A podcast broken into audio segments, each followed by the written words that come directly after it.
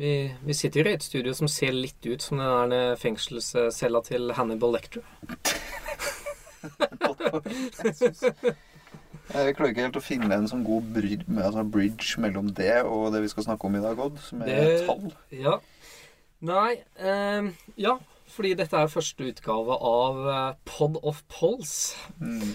Eh, en eh, skamløs eh, stjeling, egentlig, av eh, Poll of Polls. Jeg falt først og fremst for navnet her. Jeg syns det er et fantastisk navn. Og her sitter du, Odd of Pols, Mm. vår uh, interne tallguru. Vi har en rykende fersk måling eh, på hendelen. En enkeltmåling, må vi jo eh, passe på å si. Siden vi først og fremst uh, kommer til å snakke om gjennomsnittet av målingene. Eh, og det er fordi at når du har gjennomsnitt, så kan du stole mye mer på tallene. I enkeltmålingene så har du da de såkalte feilmarginene. Men fordi vi ville tjuvstarte, så starter vi med den første enkeltmålingen. Så skal vi se den litt opp mot eh, snittet av desembermålingene, tenkte vi. Og du, som jo Kommer kommer fra Ap, burde smile litt. Ja Jeg skal si, Min tid i Ap ble prega av å øh, reise mye rundt ulike mediehus og kommentere eh, nettopp det motsatte. Dårlige målinger.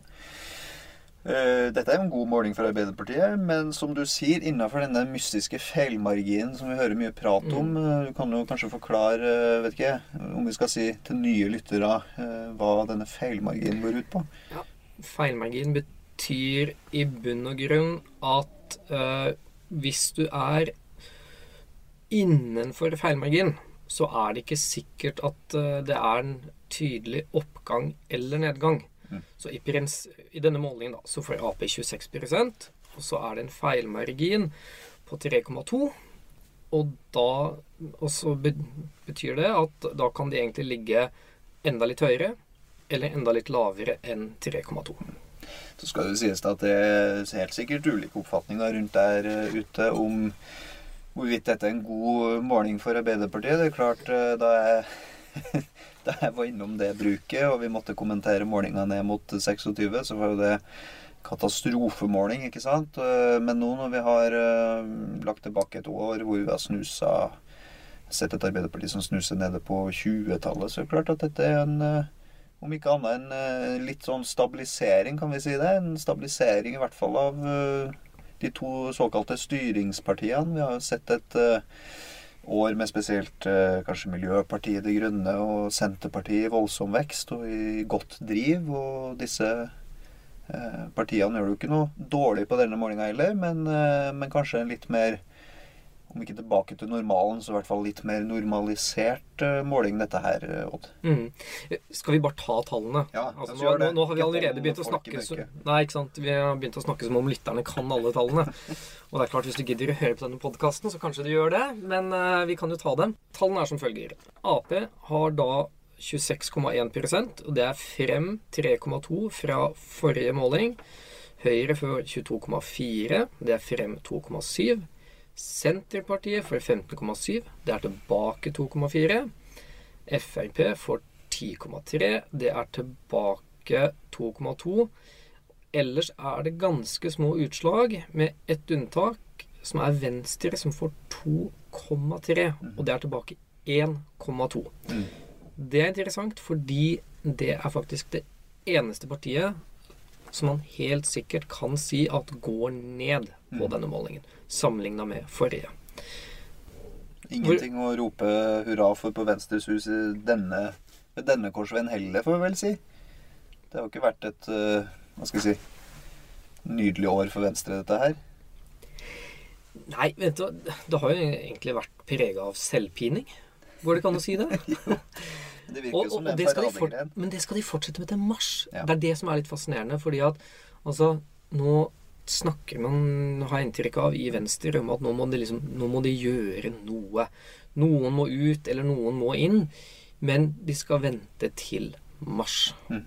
Og de som har vært og nerda litt her og satt seg inn i eh, hva skal vi si, tallene bak tallene og sett på overganger, altså hvor velgerne til Venstre egentlig går en, Når du sier eh, noen, da mener du deg? Ja, noen eh, i dette tilfellet meg, kanskje noen andre òg.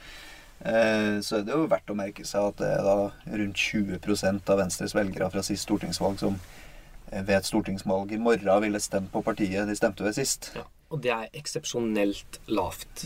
Man kan si at Venstre har alltid vært et parti som har bytta ut omtrent halvparten av velgermassen mellom valg. Men det betyr at da mangler de fortsatt 30 av velgerne som stemte på dem sist, hvis du skulle ligge på det nivået. Det beste man kan si om dem, øh, hvis du ser på bakgrunnstallene, er vel kanskje at de har en viss sannsynlighet for å kunne hente tilbake velgere, nettopp fordi at mange av dem er blitt usikre. Mm. Så det vil si at de har satsa på gjerdet. De har ikke gått og gitt lojaliteten sin til et annet parti. Det er kanskje det beste man kan si. Tror du det kan være en eh, Listhaug-effekt inn her også? Altså, det er jo skjedd endringer i regjering siden, eh, siden sist måling. Ja, kanskje. Jeg er litt dårlig påkobla sjelslivet til venstrefolk. Jeg tror ikke noen i Venstre med hånda på hjertet kan si at de er helt påkobla sjøl heller, kanskje. Nei, men nei, altså Kanskje. Men i så fall så vil jeg vel si at det også gir en slags grunn til forsiktig optimisme. Fordi i hvert fall den Listhaug jeg har sett uh, siden hun eh, ble statsråd, er jo en person som tross alt står innenfor all politikken Mm. som også Venstre er med på. Eh, Så da må man jo tenke at på et eller annet tidspunkt så kan de vise til at jo da, vi Listhaug er olje- og energiminister, hun, men vi får da til veldig mye bra likevel. Vi får se. Du har jo denne famøse iskanten. Den tenker jeg at øhm, Det er en sånn merkelig liten konstruksjon som ingen egentlig skjønner noe av. Men alle i Venstre er helt enige om at den er kjempeviktig likevel. Ikke sant? For det er jo, det er jo også disse tallene vi snakker om, eh, interessant å se at 16,5 av de eller 16,5 som vel sier eh, prosent av de velgerne som stemte Venstre sist nå, sier de kunne tenke seg å stemme Arbeiderpartiet. Spesiell overgang, eh, sånn sett. Også kanskje verdt å merke seg for Arbeiderpartiet. Ja, men hva, hva har de gjort som får venstrevelgeren til å gå dit, da? Nei, Det er et godt, godt Altså- spørsmål. Min lille teori er det at fordi antallet venstrevelgere du finner i den undersøkelsen åpenbart er veldig, veldig lavt, så tipper jeg at utslagene ser mye større ut enn de egentlig er. Fordi, Da er vi tilbake til dette med enkeltmålinger. Det er 730 mennesker som har svart på målingen. Og så har de funnet 2,3% av dem stemmer Venstre. Hvor mye blir det, da? Har de funnet 14-15 stykker, da? Mm. Eh, og det er klart, hvis da én av de sier at de har gått til Ap, så får du omtrent det tallet du sier. Så det syns jeg også er et godt eksempel på hvordan man må forholde seg Altså være litt varsom Mm. med å se på enkeltmålingene, og heller se på snittet av tallene. Ja. Og kanskje vi skal snakke litt om forskjellen på denne enkeltmålingen og snittet i desember. Fordi jeg skjønner du er jo glad for at ditt parti eh, Nå skal jeg helle Skal litt være eh, mer uh, Jeg skal helle litt malurt i begeret ditt. som er ufarga av det. Nei, men jeg skal helle litt malurt i begeret ditt nå, fordi uh, altså Her ligger man nesten 3 prosentpoeng over snittet av desembermålingene. Noe sier meg at det betyr at det kommer Og så store endringer er det ikke fra en måned til den neste. Ja, hvorfor er det ikke det, Odd? Hva, hva Må det være en eh, sånn, hva skal jeg si Kall det en signifikant hendelse, et eller annet som skjer, for at en eh, sånn endring skal kunne finne sted? Vi har jo sett store endringer fra måling til måling før. Fra måling til måling, men veldig sjelden fra snittmåling, gjennomsnittsmåling til gjennomsnittsmåling. Og det er som du sier, da må det noen signifikante hendelser til før det skal bli så store bevegelser. Så jeg ville tippe at i løpet av januar så kommer Ap til å få mange flere målinger som ligger ned på 23-24-tallet. Eh, og så kan det godt hende at de havner over desembersnittet. Sannsynligvis eh, gjør de det. Men ikke 26,1. Det er jeg villig til å sette penger på. Riktig. Jeg skal ikke vedde imot deg, Odd, men eh, apropos signifikante enkeltsaker. Dette er vel kanskje ikke en enkeltsak, men det er jo en god del saker, vil mange si. Denne Nav-skandalen som har rulla godt, i Mhm. hvert fall i hele desember. Eh, ser vel ikke noe at disse to store partiene som har sittet med makt i eh, den perioden vi har snakka om eh, rundt denne saken, fra vel 2012 og fram til i dag, har fått seg en smekk på fingrene. Snarere tvert imot. Både Høyre og Arbeiderpartiet går fram med denne målinga. Ja, det er det jeg syns er litt Altså nesten litt rart for Høyre sin del, da.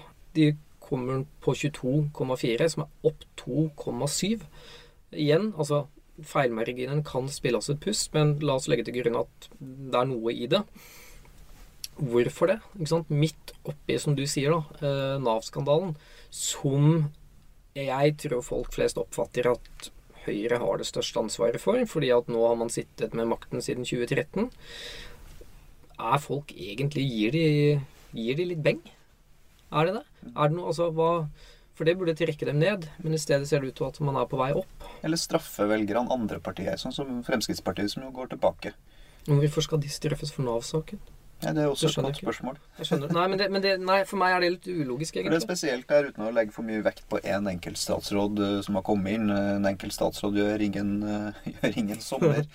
Men eh, det ser jo heller ikke ut til at det har vært noen Listhaug-effekt for Frp i, måte, i så måte. Det er jo ikke løfta seg eh, snarere tvert imot. Gått ned, gått tilbake fra desember. Mm. Denne målinga. Ja, på denne målingen. Mm. Igjen så er vi tilbake på forskjellen på enkeltmålinger og snitt. Fordi sni, sammenligna med snittet i desember, så er det veldig likt. Altså, snittet i desember var 10,7, og på denne enkeltmålingen så får de 10,3. Ikke sant. Så, Så. knapt noe endring i det hele tatt. Nei, kanskje ikke. Og så har vi jo disse andre partiene. da. Vi har Rødt som ligger langt under desembersnittet. Men der kan vi jo si, ifølge din tese, da, så vil vi jo kunne kanskje forvente oss bedre målinger for Rødt i, i de målingene som kommer. Ja. Gitt at desembersnittet gir oss, eh, gir oss noen svar her. Mest sannsynlig. Og det er kanskje en litt sånn fattigmannstrøst for Venstre midt oppi alt dette. At 2,3 er åpenbart lavt, eh, men det er såpass langt unna desembersnittet på 3,1 at de kommer til å få noen få målinger som er bedre enn dette. Men samtidig så tror jeg vi skal anerkjenne at så lenge du ligger under sperregrensa, så er liksom alle enkeltmålinger som er under sperregrensa, syns de egentlig nok er kjipt i Venstre. Og det betyr at alle målinger de får nå, er kjipe. Og selv om eh, vi hopper litt Senterpartiet og så går på en smell der, så er det vel ingen gråt å spore hos eh, Trygve Slagsvold Vedum den gangen her heller. Han ligger jo stabilt høyt. Ja, han gjør, han gjør det. Eh, og som han selv sier, det er jo uansett et godt eh, resultat med 15,7. Men spørsmålet er på en måte om Senterpartiet hadde en veldig rask vekst i løpet av 2019 og er på vei ned eller ikke. Fordi de hadde en i, De hadde en toppmåling, eller altså gjennomsnittet, i november var toppen. Da hadde de 19,2. Og da var de faktisk større enn Høyre i antall mandater på Stortinget, av alle ting. De hadde blitt Stortingets nest største parti. Men nå, i, så i desember, så fikk de 17,8, så det er jo en del ned. Og så betyr dette at liksom ser vi nå Er den enkeltmålingen bare en enkeltmåling, eller er det tegnet på at eh, Senterpartiet er på vei til å justere seg nedover?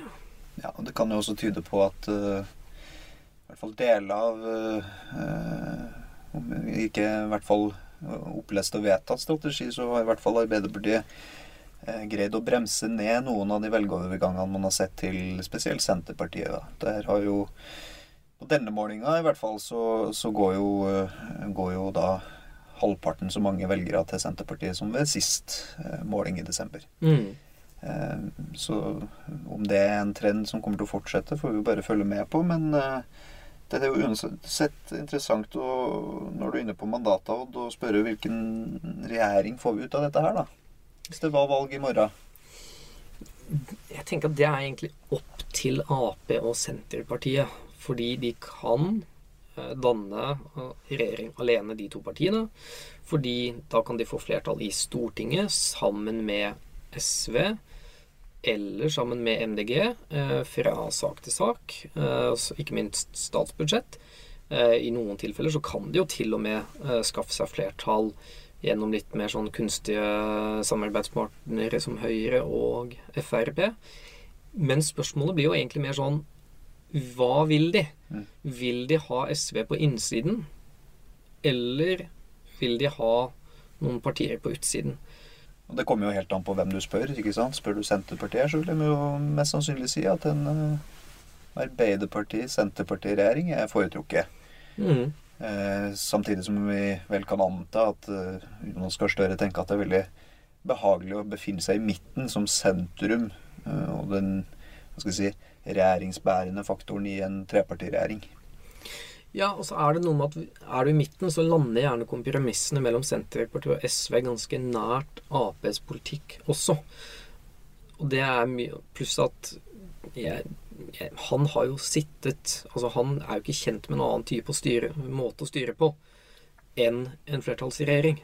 Eh, Det er ikke sikkert han eh, ser veldig fram til å måtte løpe rundt i Stortinget og søke støtte i de vanskelige sakene heller. Det er bedre å banke gjennom eh, på et møterom. Ikke sant? Bra. Eh, Jeg hadde lyst til å spørre deg litt, Odd, fordi begge vi har jo hatt erfaring med å sende politikere ut for å både kommentere dårlige målinger og gode målinger. De som eh, har fått en god måling i dag, hva er det de føler på? Dette har jo en effekt, selv om det er en enkeltmåling. Og vi er opptatt av snittet, så har det jo en effekt på både ja, partiorganisasjon og tillitsvalgte og stortingsrepresentanter og hva skal jeg si medspillere og allierte rundt om i, i hele landet. Det er jo en, eh, det er en psykisk effekt, dette her òg. Ja, nei Egentlig et kjempestort spørsmål som man kan bruke altfor lang tid til å svare på. Men jeg ville sagt det sånn at Altså, målinger er målinger, og valg er valg, er det man alltid sier. Men som du påpeker nå, eh, det har mange, det har mange effekter, egentlig. Blant annet så er det jo helt åpenbart sånn at i et parti som gjør det godt på målingene, eh, så får ledelsen en helt annen eh, arbeidsro eh, og kan på en måte bestemme mye mer uten å være så opptatt av hva partiorganisasjonen mener. Altså, ta, altså Mm. Trygve Slagsvold Vedum, da. Han er jo suveren i Senterpartiet akkurat nå. Det handler jo også om at det går veldig godt på målingene. Og da er det jo ikke noe særlig grunn til å stille noen kritiske spørsmål ved strategien. Og så er det den psykologiske effekten som, som er det at det er jo kjedelig å måtte gå ut og forklare at nå går det dårlig på målingene, og så får du spørsmål om hvorfor det. Og så må du si et eller annet om at du ikke har kommunisert politikken din godt nok. Uh, I stedet for at du kanskje skal si at folk vil ikke ha politikken min. Ikke sant? Og det har jo det har mye å si som et styringsverktøy òg. Har vi riktig strategi? Er vi på riktig kurs? Har vi eh, satsa på de riktige kortene, de riktige utspillene? Er det politikken det er noe feil med? Det er klart I en partiorganisasjon så, så handler det om å få støtte, i hvert fall som partiledelse, om den strategien du har valgt. Den eh, veien du har lagt opp til. Eh, sier seg jo selv at det er mye enklere å få til det med gode målinger enn med dårlige målinger. Som du sier, eh, det Trygve Slagsvold Vedum sier, det blir som regel eh, partiets politikk. Eh, Uten å si, diskreditere Senterpartiets eh, partidemokrati, så tror jeg at eh, hans suverene rolle nå, bakka opp med den ene gode målinga etter den andre, gjør, gjør det enklere å være partileder. Og gjør det enklere å bruke tida på politikk. Mindre tid på spill. Mindre tid på å forklare hvorfor ting går dårlig. Mm. Og så, du nevnte jo styringsverktøy. Sånn sett er det jo også eh, viktig, eh, fordi man, man kan skjele til det. Men jeg tror det er viktig å se altså forskjellen på å skjele til det og det å være styrt av det. Eh, fordi partier som lar seg styre av enkeltmålinger, eh, vil jo altså innimellom kanskje kunne få bli litt offer nettopp for feilmarginen, da. Altså, du, du ligger egentlig bedre an enn du får inntrykk av på en enkeltmåling. Og så blir du litt eh, desperat eh, og begynner å handle litt desperat. Og det tenker jeg liksom Det er sjelden at partier som handler i desperasjon, lander spesielt godt uh, i etterkant av det. Altså må gjerne skjele til hva som skjer på målingene, og se om det er en trend eller ikke. Men å la seg styre av det, det tenker jeg er dårlig. Man burde heller se det i kombinasjon med andre typer målinger som vi ikke har tid til å snakke om nå, men det burde vi snakke om en annen gang. Som er noe som kanskje særlig Høyre og Ap gjør en god del av. Som er å se på sakseierskap og sakers viktighet i befolkningen. Hva er de opptatt av, og hva tenker de om hvor gode vi er til å løse de tingene de er eh, opptatt av. Men det får bli en annen gang i Pod of Pols. Vi skal vel prøve å gjøre dette sånn omtrent eh, månedlig når eh, gjennomsnittet av målingene er klart. Så ofte som vi gidder. Eller Ja. greie. Ja, Vi gidder en hel del. vi gjør det. Men så må det være noe interessant å snakke om òg, da. Vi kommer nok ikke til å ta enkeltmåling for enkeltmåling, men eh, vi fortsetter å følge med fra. Det må vi. Takk for nå. Takk for nå.